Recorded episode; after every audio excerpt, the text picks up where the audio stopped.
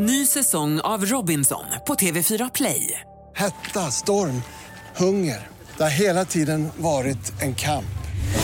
Nu är det blod och tårar. Fan händer just nu. Det. är Detta är inte okej. Robinson 2024, nu fucking kör vi! Streama söndag på TV4 Play.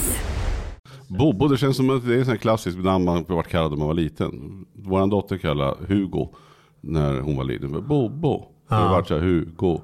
Hugo. Ja, Bo, som mamma, pappa, ja, Bobo. Så, så att jag tror att Bobo, det ligger nog i. Många som kallas Bobo fick nog det namnet väldigt tidigt. Ja, låter lite som ett gosedjur. Ja.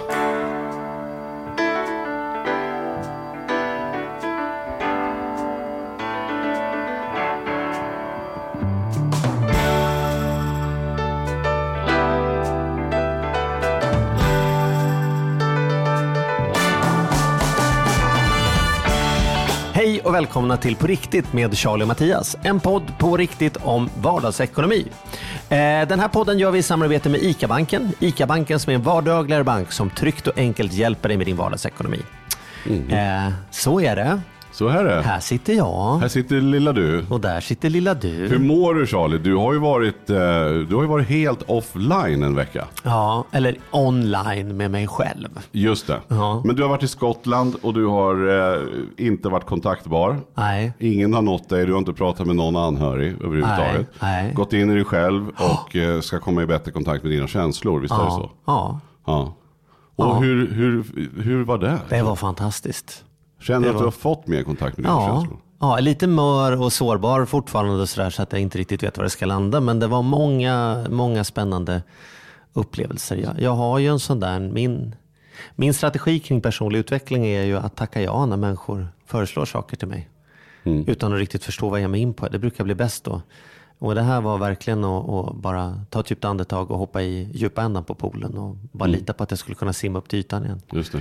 Ja, det, var, det var skithäftigt. Så om jag nu ska ge betalt eller få igen för gammal ost, för att använda ett uttryck du brukar använda, då, Ja. då skulle jag kunna liksom hacka lite på dig nu. Så, så skulle Ja. du kunna svara lite bättre. Ja, kanske. Eller kanske jag ska passa på att vara lite extra snäll. Ja, ja precis. Jag Kram, tror- jag krama tror- mig. jag ska krama du dig. brukar ju vara snäll. Du Ja, brukar men vara det är bra. Du, Eh, eh, det men blir ju ändå tuffa puckar idag känns det som. Ja, jag förstår det. Det är ju en riktig tuffing som kommer nu. Mm. Ja, men det, ja, men, ja, men är det så? Ja, men jag tycker ju Bobo är en, en, eh, ja men det är klart han är en tuffing, men jag tycker också att han är en cool jäkel. Liksom. Jag tycker han är rak och ärlig, jag jobbar med honom. Eh, och, och jävlar, det var en upplevelse utöver det vanliga kan jag säga. Eh, Ja, det- som du har ju- inslagsproducent. Hallå, hallå, vänta. Hur länge har du jobbat med honom? Nej, men ett par dagar. Var det inte en dag? Nej, men det var faktiskt lite mer. Men, Okej. men eh, Mm. jo, men det är en unik, skön person. Ja, men jag menar säga. tuff på det sättet att han, han, han står ordentligt med båda fötterna på jorden och det är inget skitsnack och, och gulligull. Han, han, försöker inte, han försöker inte se bra ut. Nej, han är rak och ärlig. Han, han säger det som finns där och, och nästan kliar i kroppen på honom när det blir för mycket skitsnack. Är det så det känns där från utsidan? Känner Mm. Ja, men så är honom det ju. Och, och han är ju så här, för mig, dels är han ju en känd person i att han har gjort mycket radio, Pippi Rull, som varit ett otroligt uppskattat program. Ja, så han, träffade jag också, på honom. Ja, och han har också Lite synts och- eh, mm. väldigt mycket när han egentligen inte skulle synas. Som i Patrik Sjöbergs program senast Mm. till exempel. Där han då var just säga den som är med Och hundra höjdare med Filip och Fredrik. och. Precis. Så Han, han har är, gjort ja. rätt mycket grejer, har sprungit på en regelbundet sådär. Och man blir alltid, alltid lika kul att träffa honom. Så att, och han har ju en podd. Ja. Eh, som heter Krull och kriminell. Krull och kriminell, den ska Och- ni lägga på favoritlistan. Där Ja, händer det grejer. Och som oss poddar emellan så kände vi att fasen nu får vi äntligen anledning att bjuda in Bobo och prata lite grann om kriminalitet och Ja. ekonomi. Ja.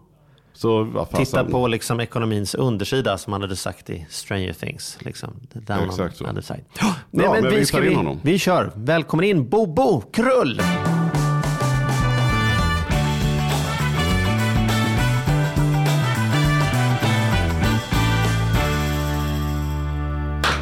Oj, jösses. Bock och bug. God morgon, god morgon. Ja, det kan man säga. Ja, hur är läget? Jo, det funkar. Det funkar tycker jag. Ja, alltså, du, när du redan nu kom gå, jag var jättepepp på att vi ska göra det, men redan när du kom gå här utanför så, du ser ju så jävla, ah, du ser så läskig ut. Så man tänker så, ja men det, det, det måste ju du få Vilket höra. fint välkomnande du gör Charlie. alltså, du ser Välkommen med armbågen. Hej. Du är jättevälkommen. Ja, men jag tänkte bara börja där, för din framtoning, både när du pratar, att du verkar så här trygg och cool, men, men du sätter ju, jag tror att du är en sån här person som sätter folk i respekt direkt, eller? Eh, Det här kan inte vara första gången du hör detta, eller? Nej, och det är inte första gången jag är trött på att höra det heller. Nej. Men visst, absolut. Eh, och vad det handlar om, det vet jag fan inte, ärligt talat. Eh, om det är andra människor som springer runt och är bajsnödiga i onödan eller vad fan det är. Jag vet Ja. faktiskt inte. Ja. Men eh, ja, det är absolut inget medvetet såklart. Men du har, ju, du har ju en lång karriär som man kanske, jag vet inte om alla känner till dig så, men du har ju gjort rätt mycket inom media sådär. Du har ju varit radioprogramledare för Pippi Rull bland annat va? Ja, Det, det var ju så det började för mig. Det var så jag hörde dig först. Så måste, ska lite man för mig också. Det var det så? Det var, det var så det började för dig också? Ja, vad tidigt. Fan, det är ju 98. Hur hamnade du där då? Oj. Eh, Oj, nu Fan, ringer vad in till oproffsigt. programmet. Oj, oj, Ah, oj. vad där då? Klantrulle på Matti. tankar Ja, någon jävligt. annanstans. Så, sorry. Apropå den där Vem var armbågen. det som ringde? Ska du ta det eller? Nej, jag ska inte ta det. Nej. Sorry, nu har jag stängt av ljudet. Förlåt. Okej. Ja, hur började det? Det var så det började. Eh, nej, men det börjar väl med eh, någon form av bananskal som det brukar kallas. Eh, och eh, falska intyg till en radioskola uppe i, i Norrland. Som då var så här, en bra eh, eftertraktad linje, Kalix. Eh, då pratar vi 94, 95 kanske någonstans där. Och då hade jag, jag hade ju fan min erfarenhet av radio då, det var ju eh, sportradion som jag lyssnade på typ. Jag hade ju aldrig själv pillat med det. Så att, eh, men det var ju svårt att komma in. De tog in typ 12 om året. Från hela landet. Eh, och, men då var det så att jag, hade, jag fixade ett intyg från en eh, kille som sprang på, eh, jag hade ett ställe, garderob och, och dörr och hade lite så här dansbandsgaler som var så jävla stort då. Så han skrev ett intyg om att jag brukade vara och jobba på hans närradiostation. Och eh, sen så kände jag en tjej som satt i uttagningskommittén där som la undan mitt papper när det skickades upp och på den vägen var det. Hur, vad var det som drev dig i, mot Kalix och radio? Ett hot Liksom- mer eller mindre från en äldre snubbe som någonstans var eh, lite hobbypappa där. Eh, och han tyckte att gör något vettigt fan, det är dags. Ungefär så. Eh, för jag var själv mest inne på att resa och, och stå och jobba i en garderob och få smutsiga pengar rätt i fickan. Liksom. Det, kändes ju, det kändes som en framtid. För mig då. så att, eh, det var mer att han tyckte, nej vad fan det är klart du ska åka upp. Eh, och sen eh, på den vägen var jag åkte upp och testade bara helt enkelt. Men det, låter, det här låter som att vi missar ett steg. För om man står och jobbar för svarta pengar i garderoben och så säger man så här, nu måste jag skaffa ett riktigt jobb.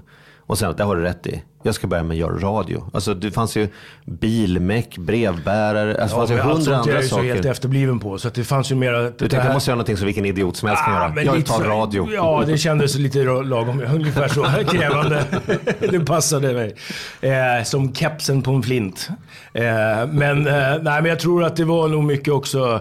Eh, det kom en tid, vad fan det är ju så med mycket här i livet. Eh, det dyker upp eh, tillfällen och erbjudanden. Och Vissa tar man, vissa gör man inte. Och här var det en grej som jag bara klev på. Och hade jag inte gjort det då hade jag, hade jag aldrig gjort det sen heller. Så var väl... Men hur, hur länge var du sen då? Två år uppe i Kalix? Nej, fan det var ju eh, två terminer Ja, Okej. med andra terminen kanske inte lika mycket närvaro. För då hade man fått sin första praktik. Då var med Ulf Elving på P6. Som hette då, Z-radio. När jag Ja. Vad, gjorde du, vad gjorde du där då? Ja, men så här springande reporter liksom. Ja. Eh, och eh, sen efter det så började jag på P3. Med Sara Kadefors, Olle Palmlöv. Olle Palmlöv träffade jag nämligen uppe i Kalix. Eh, och sen på ett program som heter Iller. Sen så var vi Folkradion. Och sen så på sommaren så sa de det att fan, eh, vill ni inte testa att göra ett eget program? Eh, och då gjorde vi det över en sommar. Som testprogram, liksom Pippi Rull första gången. På P3. På P3. Det är ingen som har ringt mig från P3 och sagt, vill inte bara Nej men då, testa var att vi där, då jobbade vi på P3 redan. Ah, på okej. på den här folkradion då. Så att då hade vi väl gjort lite skruvade eller lite mer sådana inslag som de tänkte att, vad fan.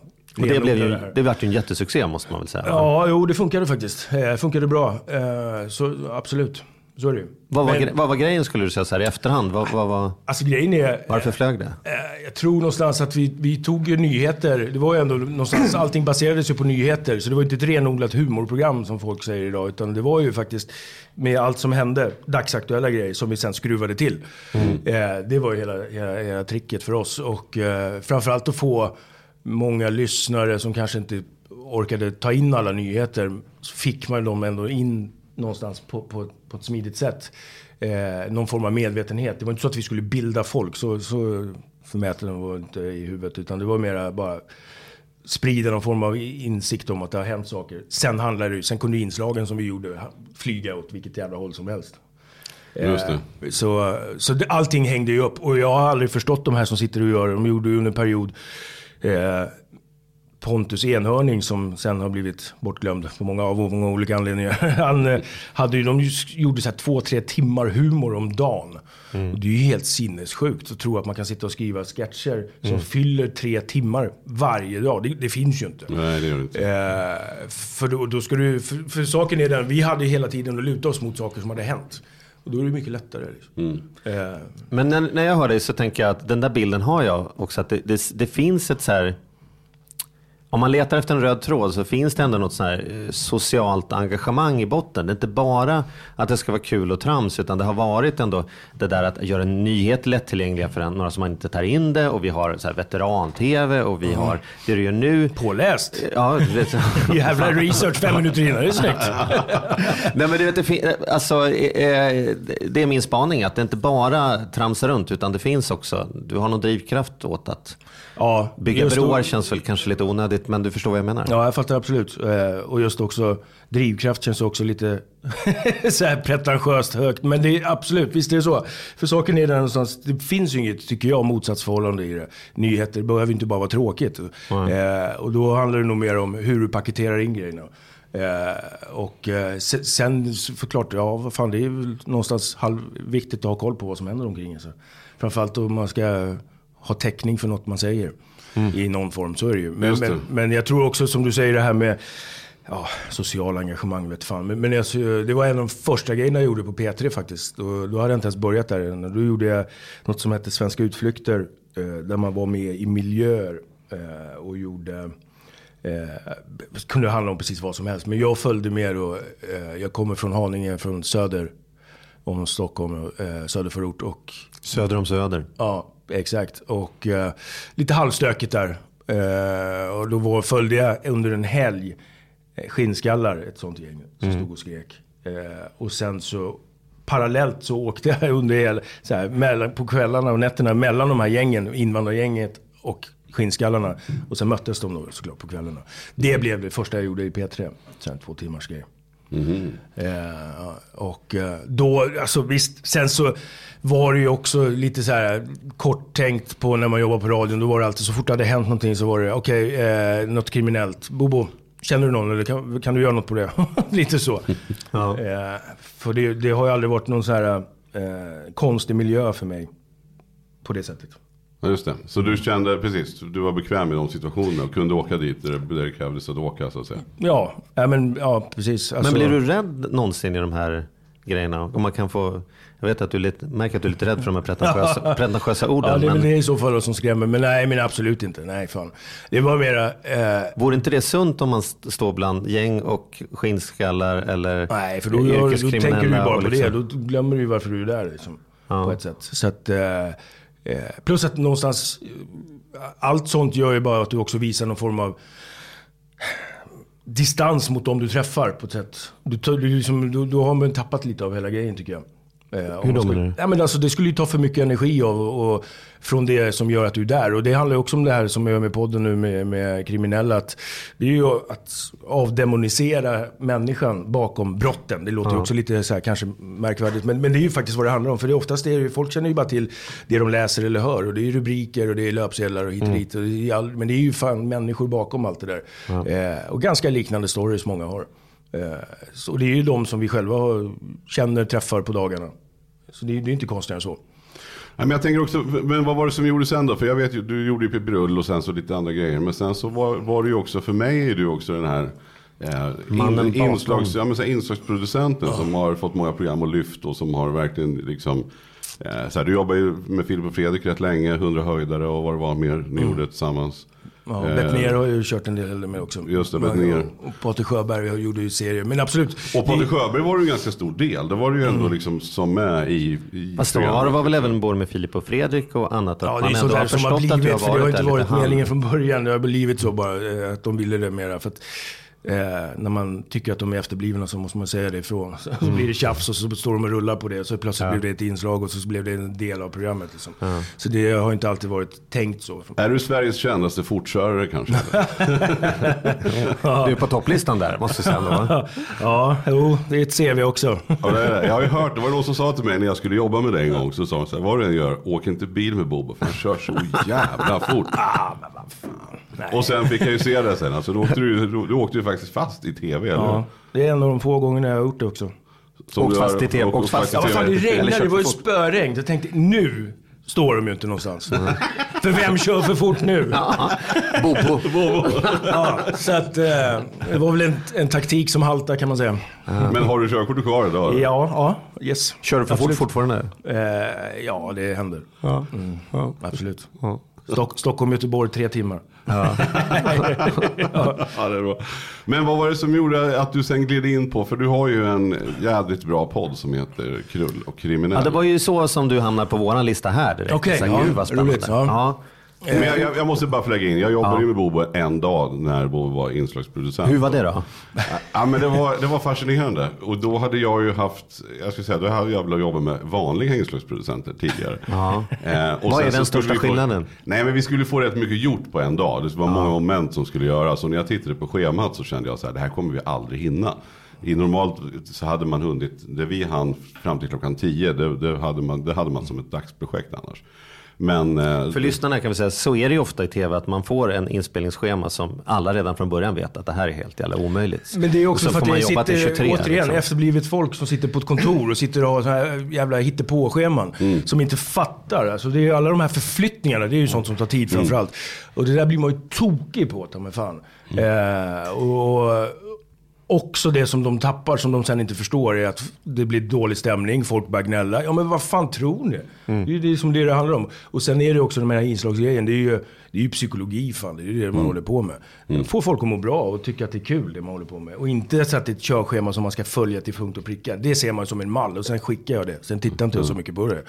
Eh, Nej, men det kände vi. Och jag, eller jag då. Så var det också det, vi, vi då när man hade gjort, ja men med vissa program man har gjort när man, ska, när man står och synkar. Det betyder att man står och blir intervjuad ganska länge. Och då kan inslagsproducenten stå och mala och mala och mala och mala liksom. Medan jag tror du ställde två frågor och så bara, ja bra, vi har det. Och sen var det klart. Och sen stack vi vidare. Och sen hade du en jävla pondus du spelade in. Vi styrde och ställde med taxibilar och fick körde igenom och bara flytta på. Och det, var, det var fan eh, en fantastisk dag. Det måste du ha Ja. trivts med känner jag. Att, eh, Ja men det gillade jag, det gick undan och det, men vi fick ju fram det vi skulle ha fram. Alltså det var det viktigaste. sen kunde man inte sända det där materialet men det var Nej. ändå kul Ja, då, det. det- Detaljer, detaljer. ja. Ja, nej men så, så var det lite. Men, men hur kommer du då? Om vi nu ska in på din Ja, podd. nu, här nu då. hoppar vi rakt in. Hur vart det Kriminellpodden? Eh, jo, men det var väl också, eh, det är två år sedan snart. Eh, och det går ju har lite med det att göra som du är inne på där med att kände så här, fan trista jobb och inte så mycket jobb heller. Som jag fick. Utan då ser man de här, seglar in de här eh, nya eh, valpjävlarna som kommer och kan och ingenting i stort sett. Men får sina jobb för de känner alla på, på de här kontoren. Det. det. är det det handlar om. Att sitta på de där jävla tråkiga eh, sammankomsterna och dricka öl och låtsas ha kul. F- nej, det finns inte. Jag, och då tänkte jag, fan jag måste göra något annat känner jag. Eh, och då hade de hört av sig rätt, så här, några gånger från just det här Acast. Bara, fan, starta en podd, prata radio, det är det man vill höra igen. Ja, men om vad då? Eh, prata bara. Det är ju det folk gör. Och varför skulle jag göra det? Varför skulle jag tro att någon skulle vara intresserad av att höra sånt skit? Och det vill jag, nej, det fanns ju inte. Sen började det mala i huvudet lite grann. Eh, vad skulle man kunna göra? Vad skulle vara kul att göra framförallt? Och sen tillbaka lite till radion att det är ju, det är ju så jävla skönt. Det är avskalat, det är enkelt, man går och gör sin grej. Du slipper de här meningslösa människorna från en kanal som tittar in plötsligt och har synpunkter som man bara pissar på. Eh, för sakens skull. Så att det är ju det, är ju det här enkla som man gillar också, snabba. Så att på den vägen var det. Och så är ämnet som sådant också var det också som jag sa tidigare att det är ju inte eh, skitlångt dit för mig. Eh, och eh, sen så satt jag och snackade med Geir som jag gör det tillsammans med som jobbar med avhoppare, gängverksamhet. Eh, en annan sida av Sverige heter det, som, där de hjälper just ungdomar att ta sig ur från eh, gäng och så vidare. Och eh, han är storebror för till Sebbe Staxet från Kartellen. Så att han har ju en bra bra grund att stå på där vad det gäller eh, kopplingar. Och jag hade dem kanske lite äldre då. Eh, så slog vi de påsarna ihop då som man säger. Och eh, Krull och kriminella, ja, där någonstans föddes det. Eh, och då var det ju så här när vi började, kommer jag ihåg, då var det viktigt. Eh, och den eh, biten hade han koll på att vi behöver ha något namn i början som är bra framförallt för andra att säga, kriminella, eller för detta kriminella. Där de känner att ja, men det här är ett sammanhang man kan vara med på. För att det här är ett sånt namn som flaggar för någon form av trovärdighet. Så då går det inte att ha med kanske en ficktjuv eller någon av de här killarna som wannabe eller allt man ska kalla dem. Ja, då funkar det inte liksom. För då, då, då finns det ingen anledning för de här andra bättre eller tyngre eller vad fan man ska kalla det, namnen att vara med. Så då hade vi med Patrik Höjsman, kommer jag ihåg, ett tidigt namn eh, som kanske folk på gatan inte känner till. Men han var ju då i den världen, aldrig gjort intervjuer. Eh, och då var det jävligt bra såklart och, och att starta med. Det är en kille som startade VAM bland annat. Sen tog han över efter Fitzpatrick, de här brödraskapet. Han startade upp två Bandidos-avdelningar. Så det är ett tungt namn liksom. Eh, och där någonstans, ja, sen fylldes det på. Och fortsatte göra så. Vad är den största utmaningen med, med de gästerna? Liksom? Jag tänker att det är i annorlunda vad början jag och var det ju, Mattias ja, men i början var det just att få dem att prata. De är ju vana vid att när man sätter upp en mikrofon så blir det ett förhörsrum och en förhörssituation och då är de kanske per automatik mera skolade i att vara tysta. Mm. Och det har man inte så mycket nytta av när man sitter och ska göra en intervju. Eh, det var väl en grej, att få någon form av känna trygghet inför det. Eh, och sen, eh, och det, det är väl det jag också har sagt tidigt att det här är ju mer samtal jag gör. Det är ju inte ett, eh, en, en riktad så här intervju som där man har någon form av färdig vinkel eller någonstans inte lyssnar på svaren utan man vet ungefär i förväg vilket svar man vill ha för att det ska passa in i mallen.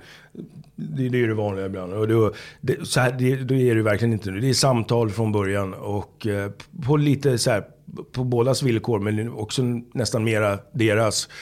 Eh, väljer ut någonting specifikt från deras erfarenheter. Så att man inte, för första gången gjorde jag nämligen med Patrik test eh, och det gjorde jag om. För då börjar man ju så här, tro att man ska täcka allt. Dels blir det ju blir ju sjukt mycket material. Och, och, plus att sen så känner man någonstans att det blir lite samma också. Inte kanske exakt samma, men det blir ju ändå, ja, ja vi har fattat vi har skolan ja, och hela det där. Och sen börjar det. Så att där handlar det om att hitta då någonting som var deras grej. Och så kör man på det, mera. Men det känns ju också som att du ligger, om man nu, det låter ju kanske hemskt att säga, men att du är väldigt rätt i tiden. Alltså jag menar Veckans brott, alla de här programmen funkar ju. Kriminaliteten ökar i samhället och det blir, och det, det, känns ju som tajmingen är på det sättet väldigt rätt. Vad är det som gör att vi, vi andra, är det att i takt med att kriminaliteten ökar som gör att vi vill veta mer och förstå och lyssna? Liksom? Eller vad tror du? alltid- Vänta, du bara smög in där. Kriminaliteten ökar. Kriminaliteten ökar i Har vi belägg för det? Eller? Ja, det tycker jag vi kan säga. Ja, ja, jag. svepande, ja. Ja, okej. Ja, men det har jag belägg för. Du vet hur, många, hur, ofta tidigare var det skjutningar och rån på, på den nivån som det har varit nu sista tiden. Det är, De har ju också sagt, alltså de, det de har lutat sig tidigare mot, och det är väl fan att luta sig mot ett draperi som brukar säga. Det är de här gamla undersökningarna som säger då att nej, men det har inte ökat. Nej men det är ju gamla undersökningar tio år tillbaka i tiden. De har inte beställt några nya från Brå och de här till exempel. Av den anledningen. Så Precis. att det har ju börjat komma nu lite. Så att, Ja men låt oss säga så här, ficktjuveriet eller, Ja. eller bilbälte eller det kanske har minskat fortkörare när Bobo inte är ute och kör eller något. inte vet jag. Men jag, jag menar bara att de här, de här riktiga rån och, och mord och skjutningar Sen är det ju en annan typ av kriminalitet också. Det, så är det ju. Den kan man ju se. Det, det, där finns det ju en tydlig grej. Vi säger En vattendelare är ju Janne. Han har ju heller aldrig tidigare eh, blivit intervjuad. Som jag hade med. Som åkte till Helsingfors och träffade Janne Ranninen. Som sköt Joxo på Solvalla. Eh, minsta killen. Babyface som han kallas. Eh, kliver upp och tar den största killen. Eh, där någonstans hände ju någonting. Eh, det var inte längre bara störst gå först.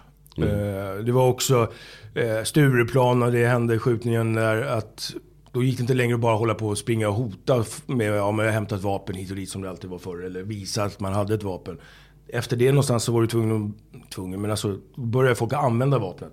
Du hade liksom passerat gränsen där, tröskeln. Och det blev en, så här, det, det, där hände ju någonting faktiskt. Eh, det gick inte heller bara leva på så kallade gamla meriter med ett namn. Så där. För nu kommer ju folk från förorterna som får, ingen vet vem de är. Men de, de gör ju på en eftermiddag det de här andra killarna kanske samlat ihop på en hel kriminell livstid. Liksom. Eh, så så att det är ju det är ju en skillnad. Men vad beror det på då? Vad beror det på? Om vi, om vi är nu överens om att det har ökat, eller just i alla fall den här brutala menar? Vad- Som du säger, man gick över någon gräns och för att sen visa att man menar allvar så behöver man utföra dåd. Det är som allt annat, man, man flyttar ju fram det hela tiden. TV, det blir bara sämre och sämre, man ska se mer och mer skit. Ja, men du vet, någonstans så, så måste du hela tiden trumfa över. Eh, så, så det är väl en form av naturlig utveckling på ett sätt. Men det är... Eh, för det, man märker det också, ibland har jag träffat några, några har träffat i de här gamla, eh, gamla, gamla gardet eh, av eh, kriminella. Eh, och då pratar man om den här tjuvheden. Det finns ju inte så någonting, men idag vet man inte, det går inte att stava till ordet ens. Eh, Men det fanns faktiskt på 70-talet. Eh, Berättade de då när de var på Långholmen kanske, om du hade varit där och gjort något uppträdande, gjort någon insats för de, de som satt på Långholmen. Kunde du få sen ett diplom som fångarna där hade gjort i ordning och skrivit under.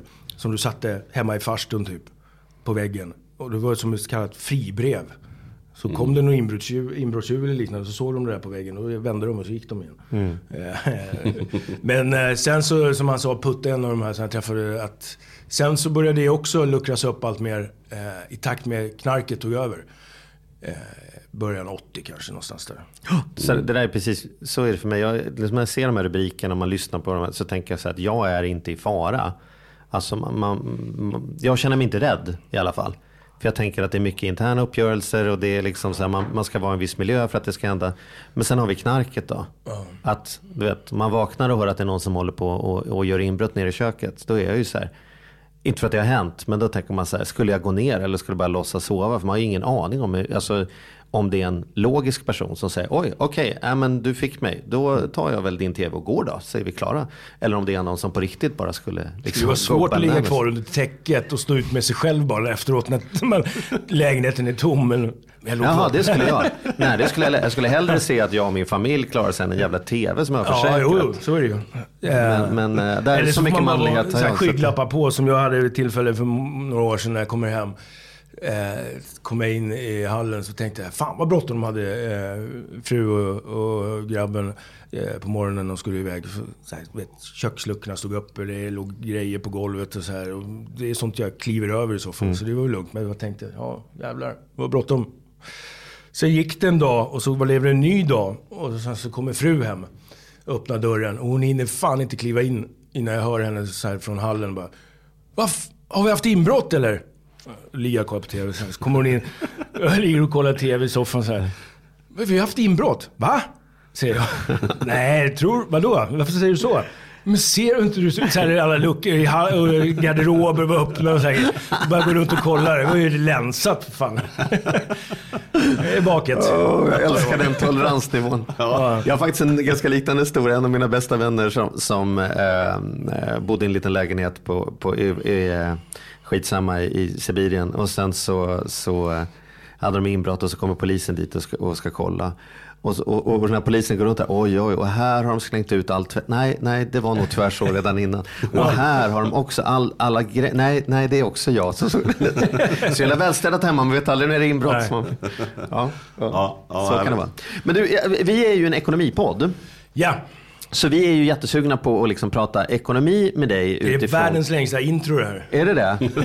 Nu kommer vi in till podden. Vi, kli- vi klipper bort det andra sen. Ja. Det, det, Ja, det är bra. nej, men, men, men det finns ju jättemycket intressant som vi i alla fall när vi har suttit och, och, och väntat på att du ska komma så har vi liksom tänkt så här, mm, ekonomi. Så om vi börjar från början då. Det här med lönar sig brott? Alltså det är ju en korkad fråga men jag kan, när jag räknar nämligen så tycker jag om man Vi tar bort alla... spekulerade lite grann här innan. Ja men så här, moraliska, Om- om om, vi lägger det om vi moraliska åt sidan. springa ner och, och Ja, affär. vi tre i eftermiddag, vi bara kör. Någon, någon butik här nere på, på Hornsgatan. Så, så säg att vi drar in Mattias eh, BMW i skyltfönstret och sen så står du där och ser arg ut. Och så kan jag konka in saker för två miljoner max kanske. Är, är rimlig ballpark där någonstans eller? Ja, det beror på vilken butik du sitter inne på. Ja, bra. Det får du hjälpa oss med, vilken vi ska ta sen. Ja. Men, men, och sen så drar vi iväg med det där. Då tänker jag så här, det kan vi ju på vår höjd kan vi sälja de grejerna för en fjärdedel av priset när det är klart. Mm. Eller? Då är det en halv miljon. och sen så behöver vi någonstans att vara och så ska vi ligga lågt flera månader. Och så då är vi nere på en, en, eh, en, en barnmorskelön eller en, en vårdbiträde eller en fritidspedagog. Jag kan, inte få, jag kan inte ens få ihop affären ens om det går bra, om vi kommer undan med det. Liksom. Nej, då kanske man får rikta in sig på något annat istället som ger mer. Ja. Men, eh, men så Vad är din, vad är din tror- bild av det här? Ja, här är Finns det liksom rika Eh, tjuvar eller Ja, men alltså så här, det är nog, skulle jag säga, de flesta överens om när de har lagt ner att nej, det lönar sig inte. För det, det som är priset för de kriminella är stressen som nästan alla återkommer till. Det är en fruktansvärd stress hela tiden. Du vaknar på morgonen och mer eller mindre måste jaga pengar. Eh, plus att en annan grej är att om du kommer över pengar eh, så är det inte pengar som man respekterar eller sådär, det är inte pengar du investerar i eller det är inte pengar eller med eller det är inte pengar på något sätt som du vårdar som en lön eller liknande. Utan du, de bara rinner mellan fingrarna liksom. De bara bränns. Och varför då? Varför lägger de inte dem lite på hög då? Just av den anledningen därför att det är, så här, för det är skitpengar. Det är rånpengar. Det är inte liksom riktiga pengar nästan. Alltså det är nästan så många resonerar. Så att det är inte pengar man respekterar på det sättet. Eh, och, eh, och det bara bränns på skit. Oftast. Så jävla kort och snabbt som möjligt. Jag vet tidigare, förr hade ju polisen här, hade ju eh, civilare som sprang nere på, jag bodde i Thailand med fru f- två år nästan i eh, utanför Pattaya, John kände, Pattaya är ju smuts. eh, och då har ju civilarna där, åkte de ju ner eh, på, ja, säg runt december, januari eh, och gick och spanade efter folk. För värdetransporterna i rånen mot dem gick ju upp som fan just så här, du vet, oktober, november, du vet den här lite deppiga tiden. För då tog vi folk bara de pengarna och drog ner och brände i två, tre månader i Thailand och där, tills de var slut och sen kom de hem. Eh, och det är ju också så här kortsiktigt. Det är alltid kortsiktigt också, det är ju det. Det är, är inte inom planering lång tid sådär. Eh, Ja, Just det, det är inte så att man planerar att nu ska vi leva lyckliga resten Nej. och stoppa undan, placera och grejer. Nej. man- För så är det ju i tv-serier. Det är ju någon som blir lurad tillbaka från ska, jag ska göra en stöt som Ja. jag sen ska kunna gå i pension på och grejer. När Men då är det ju också så här att, ja då sprider sig det kanske då att folk eh, vet ju om att du har pengar. Det innebär ju också problem. Då ska ju alla vara där och ta en del av den kakan och kanske känner att de borde också bli ersatta för någonting som hände tidigare och så vidare. Du vet, så här, då finns det en anledning att plötsligt hitta någonting och det. hämta Jag pe- hjälpte pengar. dig förra ja, men till exempel. nu- så att ja. Det är ju också många som återkommer till det där med att det är ensam är ju ändå stark. Mm. Eh, och den här lojaliteten som det pratas om finns ju inte heller. Fan, du vänder ju på folk för ingenting idag. Mm. Eh, Ja, det är det jag tänker också. Vi måste hålla sams efteråt. Det behövs ju bara att någon sitter i skiten någonstans och så rätt vad det är man. Men då är det nog så här, du vet du går in och gör en grej om du klarar det. Och aldrig mer.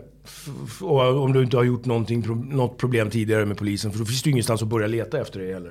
Annars är det ju alltid sammanhang och samband och hit och dit och kopplingar och, och kontakter och sådär. Man ser vilka de rör sig i. Så att det är ju, kopplingsschemat finns ju inte då. Men Så om du skulle lyssnar på detta och har levt ett gott liv så Ja. finns det en god chans för dig att komma Passa undan på! med... Det är inte bara reaveckor. Men, men sen jag tänker också då, om, om man nu har gjort en sån här stöt eller om man nu har... Ja, vänta, jag måste få peta in en innan Ja, dess. ja, vi är kvar i grundfrågan. Så om du skulle ge oss listan då. Vilka brott lönar sig bäst? Vilka lönar sig sämst? Hur ser liksom den ekonomiska skalan ut då? Om vi tar bort alla Alltså, jag är etiska fan effekter. inte någon professor i det där såklart. Eh, och jag tror att mycket handlar om när du gör det och hur du gör det och framförallt av vilken anledning du gör det. Eh, för är det så att du behöver bara panik, snabba pengar, ja men då blir ju ingenting lika genomtänkt. Eh, gör det för, för att få ihop till något pund eller liksom till, till eh, till droger och skit, men då blir det också jävligt fladdrigt av olika anledningar. Och desto mer folk inblandade, desto osäkrare det blir. Så det, men det kan man ju Mm. bara rent logiskt tänka. Men om man gör ett villainbrott, det kan ju inte bli många kronor Nej, per... för att polisen utreder ju inga sådana brott längre. Jag snackade med, jag hade en domare, Martin Weiler förut som jag träffade. Han sa det, alltså villainbrott har inte han haft på säkert något år. Ett par år. Det, kom, det finns inte. De lägger ner det. De berättade om någon som hade 45 inbrott och sen så eh, sen tidigare så hade de räknat upp att de fick ihop nästan 70 inbrott. De skrev av resten 30. För det blev ingen straffpåföljd liksom, som blev ökad. Vad fan handlar det om? Så här straffrabatt ungefär för att du har gjort så mycket brott. Det är ju helt sinnessjukt. Ja, ja. Eh, Men vad blir det för pengar på det? En begagnad Playstation 3 liksom? Det, jag, jag, Ja, fattar men det är ju inte. sam, nej men å andra sidan, återigen bara för, okej nu, nu refererar jag till gamla poddavsnitt såklart. Men det är ju Ja. Anders Andersson, en gammal härlig tjackis från Malmö. Han var så här 40 år som tjackis, koppartjuv och det. Han Vänta, berättade... ni måste hjälpa mig. Jag är för dålig på detta. Vad är en tjackis för Ja, någonting? men, gå, på, gå på amfetamin. alltså, Aha, okej. ja. Tack. Mm. Och hemlös. Eh, Det är ju en annan eh, grupp. och, eh, Koppartjuv. Koppartjuv. Och de sliter. Helvete, jävlar vad de jobbar. Eh, för någon lax kanske. Mm. Alltså det är inga stora pengar. Men det är alltså den tid och energi de lägger ner på det där Mm. är ju helt otroligt. Hur de orkar. Mm. Och I snö och minusgrader och går och drar det där på sin kärra och hit och dit. Alltså, och så går de till någon skrot och så tar de det bakvägen, får några hundralappar och så kan de få köpa nytt ladd och sådär. Mm. Eh, det är alltså...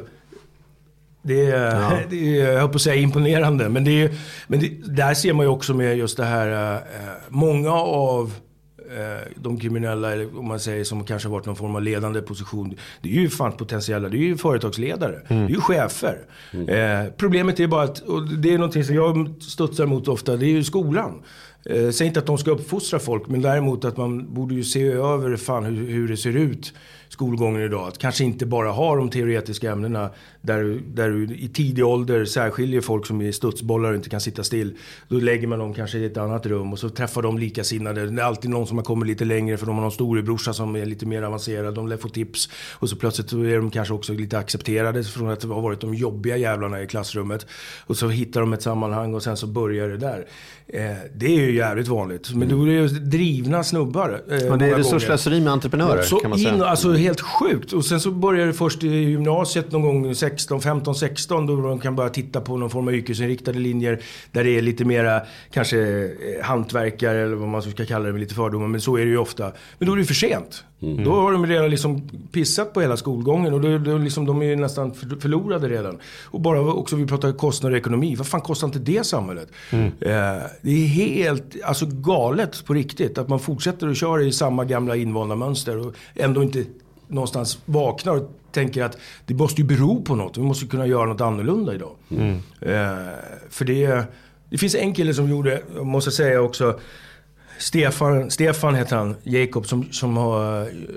Han körde eh, och eh, sålde mycket röka eh, kilovis. Men tyckte själv inte att han var särskilt så här, kriminell. Tills de tog honom med någon hockeybag och fullt och du vet, han fick sex år eller vad det var. Det var väl ett uppvaknande att oj, kanske inte var helt jävla vitt det här ändå. Eh, då låg han och funderade då, för att det här vill han ju inte vara med om igen. Eh, och då tog han det tänket som han ändå hade haft i den världen. Men till en mera liksom, en putsad, och polerad och en, en eh, laglig del. Eh, det här entreprenörskapet. Så när han kom ut sen så hade han legat och funderat på och kommit fram till någon form av vax, skäggvax. Och ligger ju i tiden med alla jävla det- söderfjantar och skit som springer runt där. Men då gjorde han på samma sätt som han hade gjort när han sålde. Då sprang han runt till barberare runt om i stan och överallt. Gav, sprang runt och delade gratisprover. Samma bag. Ja men typ. Alltså, sådär. Men du vet, sen så kom han tillbaka dit efter någon vecka. Kollade, okej var ni nöjda? Tyckte ni att det funkade? Så, så fick de köpa. köpa. Så hade han fått en liten kundkrets på det. Och det är ju precis samma sätt när de går runt och delar ut sina gratisprover för att någonstans få kunder. Duncan Bannatyne som en av de stora drakarna i Draknästet, den, den brittiska, han, satt ju, han började sin resa så satt inne, kom ut och insåg att jag har det perfekta CV för att bli entreprenör. För det är ingen som kan tänka sig anställa mig. Nej. Jag får starta själv. Så startade han en liten eh, glassbil. och sen så vart en glassbil blev tre glassbilar. Blev ett vårdhem blev 20 vårdhem, blev span, blev liksom miljarder. Liksom. Men det Som Ice samma- Truck Killer då. Han är i USA. Men eh, det är, ja, men faktiskt på riktigt, det där har ju den här, det där drivet som man pratar om hela tiden. Och det finns ju av att eh, många, den här stressen och hela tiden måste vända, måste hämta pengar och hit och dit. Och, och de må- måste hitta nya vägar. Och, eh, men om man kan översätta det till någon form av laglig väg istället. Så, så då, där har de det verkligen. Och inte det här kanske på morgonen och känna efter och, och lite huvudvärk och äh, fan jag ringer, ringer mig sjuk. Utan, så det finns ju jävla mycket där att- ta tillvara på egentligen. Om man skulle Men, men mycket baserat i droger då tänker jag. För mycket är, är väl just ändå av den st- stor del av kriminaliteten idag. Handlar väl om droger. Ja, så är det ju. Men det är där någonstans också med det som också de här alla världarna möts. Eh, på krogen. Jaha, okej. Eh, det är, ju en sån värld där just de olika grupperna någonstans sammanstrålar och drar nytta av varandra.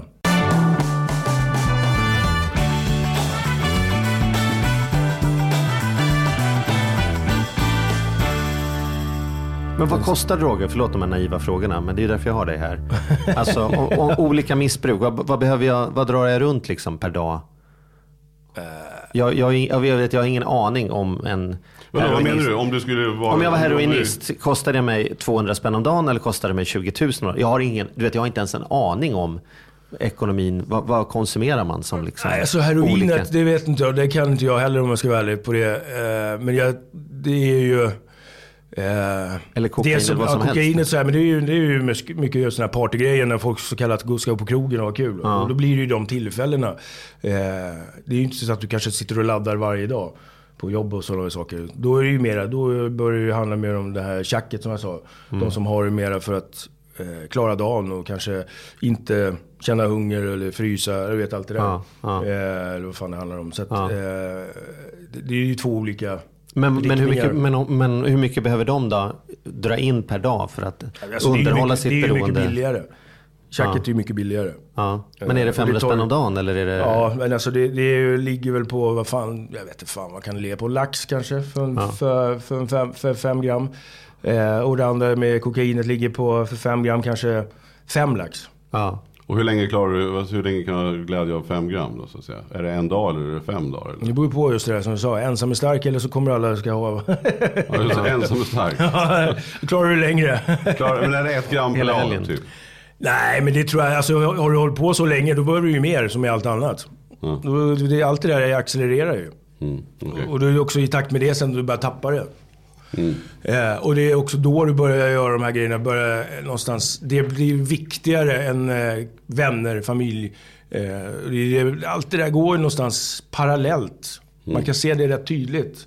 Jag tror till och med många kan gå tillbaka i sin historia och säga någonstans när de började tappa det. Om man ska säga så. När, när det började bli fokuset. När det började bli det viktiga. Och det är då man gärna glider över och blir kriminell. Ja men det blir det. Du måste ju någonstans eh, försörja dig eller man ska säga. Men är också i takt med det så börjar du kanske eh, försumma andra saker i ditt liv. Nu pratar vi om, om en enda, liksom i, i gatuändan av brottslighet. Hur mycket är du i närkontakt med liksom andra ändan, någon sån här white collar crime, alltså bankchefsvärlden liksom? Eh, ja, det är faktiskt... Jag träffade, eh, eh, vad heter han, Seth Roland Aner. Gamla skalbolagskungen. Det är faktiskt enda avsnittet som jag har fått ställa. Eh, av olika anledningar. Men han träffade jag och han var ju då på... Vad fan var det här? 90 va? Början 90. Han, han var ju god för flera miljarder. Eget flygplan. Och, och när vi träffades så träffades vi eh, i Farsta. Han åker kommunalt och är inneboende idag. Ja. För Han har fått, han har fått sitta och eh, dömd två gånger. Men eh, där, där är det ju, där börjar vi prata om den typen av brott. Men när man har miljarder och håller på med det man gör. Vad är det i, i kolan som gör att man inte sätter av 15% av det där i Du menar kolan nu, pratar du huvudet. I huvudet, ja, förlåt. isär. Det är väldigt svårt idag med, med eh, begreppen. här. Men, nej, men alltså, förstår vad jag menar? Man, man måste väl ändå ha någon typ av grundläggande ekonomikunskap. Annars tar man inte, hamnar man inte där. Att då inte tänka att jag skaffar mig grundförsäkring, jag ser till att det finns en Fan vet jag, du vet alla de här Panama-brev och skit. Alltså, det, det, det, det, det låter ju konstigt att man ska gå från miljarder och inte ens ha råd med en egen lya i Farsta. Men det handlar ju om att då, han har ju blivit av med allting, eh, blivit eh, satt i konkurs och så vidare. Och det var väl det enda, det som han ångrade mest idag som han sa, det var att han inte flyttade utomlands. Eh, under någon period.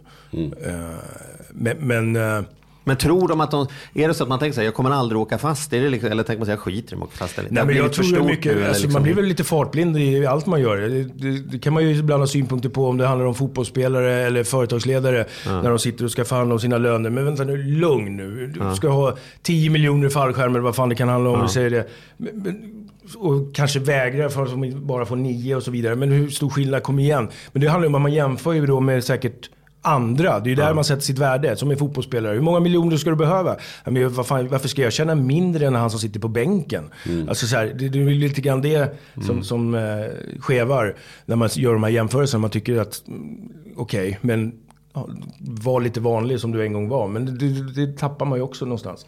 Men, men om man pratar om de här, de här så kallade lyckade rånen ändå. Eller alltså, det finns ju ett gäng där man i alla fall vet att man alltid hittar pengarna. Det är rätt många hundra miljoner på olika rån genom åren. Vi brukar lyssna på de här P3 Dokumentär-grejerna till exempel. Helikopterrånet var ju nyss en dokumentär som gick på SVT. Där det ju saknas ett gäng. Ett gäng miljoner. Tror du att de pengarna att, att de har glidit iväg och är slut? Eller, eller liksom, är det någon som sitter och är lyckligt rik? Sitter de på dagar? AMF-pension på något sätt nu och Ja, exakt. undrar? Eh, Ett, härligt äldreboende som har fått dra nytta av det. Ja. Ja, det hade ju varit bra i och för sig. Eh, alltså det är svårt för mig att säga såklart. Du kan säga vad du tror. Ja, jag tror att my- mycket pengar är borta. För det, det, det försvinner iväg på så många olika håll. Eh, faktiskt, så är det ju. Sen så är, brukar det ju kanske ibland finnas någon liten spindel någonstans som ser till i alla fall att få någon liten del som hamnar hos sig själv. Men jag tror att många av de här som utför många av de här grejerna, det, det är inte det att de har inte kanske alla pengar kvar, nej.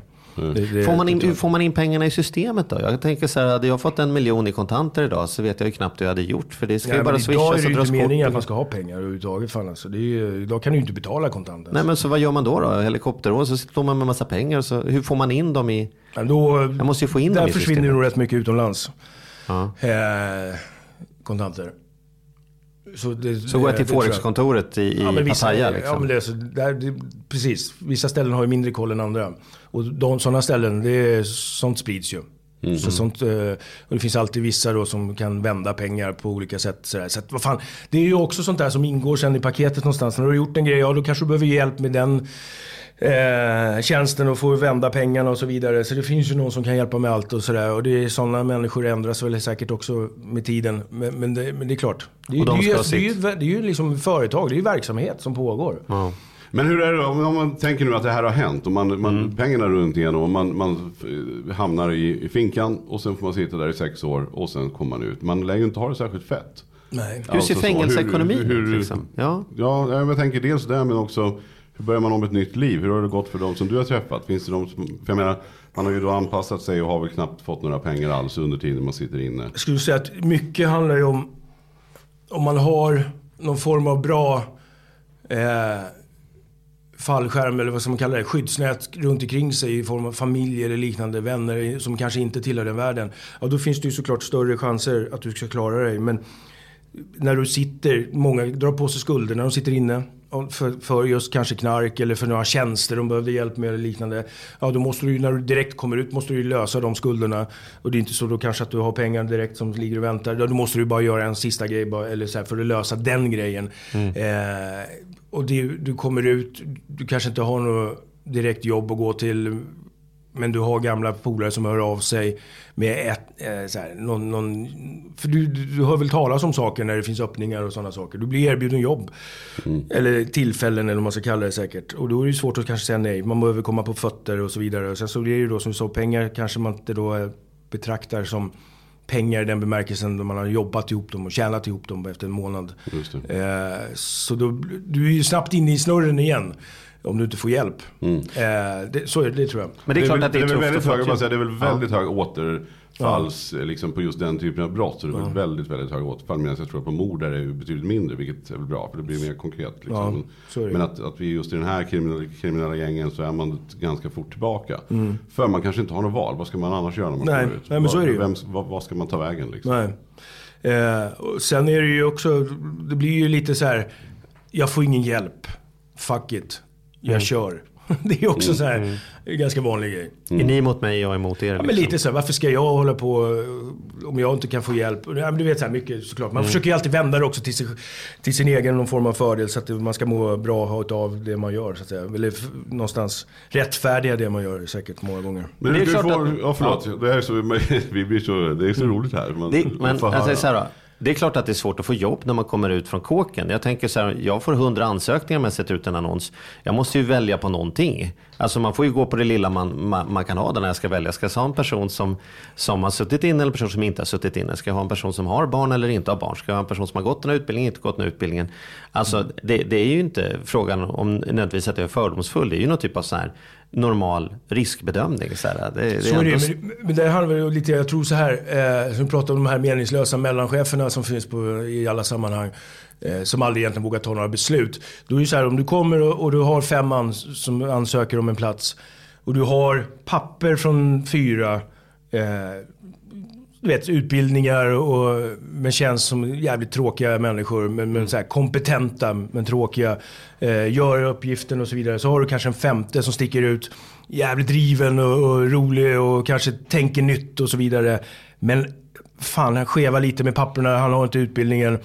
Om du då tar chansen på den människan så kommer du säkert få tillbaka jävligt mycket mer. Ja. Eh, och lojalitet och så vidare. Men det är en risk du tar. Eh, och om det då går åt helvete, då är det ju du som kommer få stå för de konsekvenserna för att du anställde den personen. Ja. Och den, den risken vågar ju folk inte ta i allmänhet. Utan då väljer de hellre att ta det säkra kortet. Där har du ju en sån typisk grej. Ja. Men det kanske är ett, ett tips från ditt håll då, att våga. Att om du funderar på att anställa någon, våga, våga spela det kortet. Ja, absolut. Eh, och till de som söker jobbet. Fan, engagera, var på riktigt så här, övertyga, så här, inte bara ja, det är ett jobb, utan övertyga folk om att du verkligen vill ha det där jobbet. Till vilket pris som helst mer eller mindre. Eh, för sånt sticker ju ut idag tyvärr. Men så är det ju faktiskt. Du, du kan göra skillnad redan där. Det eh, håller jag på med nu. Jag träffade en tjej som har en trasig bakgrund eh, och dysfunktionell familj som det brukar heta. Eh, och hamnade snett men tog sig därifrån och tog sig ur det och är marknadschef idag. Eh, och för att hon fick chans. Hon fick två av två människor som gav henne en chans. Och hon hade ju drivet då. eh, För hon ville ju så gärna lämna det så till varje pris och liksom jobbade som fan och ville visa framfötter och, och också lojal för tacksamhet för att hon fick chansen. Eh, där i finns det ju faktiskt någonting också värdefullt. Men är inte det också en vanlig fördom vi har? Att de där jävla kriminella typerna, Jo, eller de där, de, de kommer bara återfalla. Eller de kommer. Ja. Men är din erfarenhet av dem du har träffat, vill, skulle de allra flesta vilja ha ett vanligt Ja. liv? Ja, absolut. Och det gäller även många av de här i gäng och så vidare. Unga, det säger ju även han Geir att de han träffar som är med i de här gängen och det att det är, det är stress, det är för jobbigt allting. Eh, det är ingen som självmant skulle välja, välja det livet. Mm. Man slipper helst. Då gör vi så att vi ställer in eftermiddagens rånförsök då helt enkelt. Det verkar Ja. inte vara värt det. Kan vi vara överens om det? yes. Men, men slu, slutligen då, vad, vad tycker du i- just där i samhället, du var inne på skola och så här. Vad, vad, vad skulle du säga, på en minut, vad skulle du säga att man, vad, vad, vad gör vi fel? Vad fan måste vi Quick göra om? fix. Quick Ja. fix. ja. Statsminister för en dag, go! Eh, nej, men, ja, jag skulle gå in, jag skulle på riktigt lägga stor energi och vikt på, på skolan. Hitta en ny typ av skolgång. Eh, för att ta tillvara på alla som går i skolan och inte bara rikta in sig på de som kan visa på ett papper för att de har pluggat. Eh, för folk har inte den möjligheten idag. Eh, och det finns andra värden idag också man kan få utbildning eh, som också du har nytta av idag. Det är en stor grej. Och en sån basic sak som eh, när jag växte upp, det fanns ju de här ungdomsgårdar och grejer som med grabbar som var några år äldre och tjejer också. Eh, som förebilder, för de finns inte hemma hos många. Då har du i alla fall några att studsa mot och kanske också får veta de här värd, värdena med vad som är rätt och riktigt och rätt och fel och hur, hur vi fan behandlar folk. Att någon som sätter ner den där så kallade foten och säger att nej det där är inte okej. Och få höra det från någon som är äldre som är en förebild. Eh, men det, det, det läggs ju ner, det finns inga pengar heter det. Nej, för att man tänker fyra år framåt till nästa val. Alltså det är ju bara det är idiotiskt. Eh, det, det är den stora grejen, tycker jag. Man ser inte helheten. Nej, bra. Ja, jättebra. Snyggt. Du, tack så hemskt mycket för att du kom hit Bo. Jag vet att du Lugnt. inte gillar att bli kallad den här ambitiösa, pretentiösa, bygga broar. Men ja, vi uppskattar jättemycket din podd och att du finns och att du fortsätter engagera dig. Ja, precis. In och lyssna. Ja. Krull och kriminell. Krull och kriminell. När ni har lyssnat klart på oss förstås. Ja, Just det, den detaljen. Ja. Ja, bra. bra. Tack ska du ha. Tack, Tack så mycket. Tack.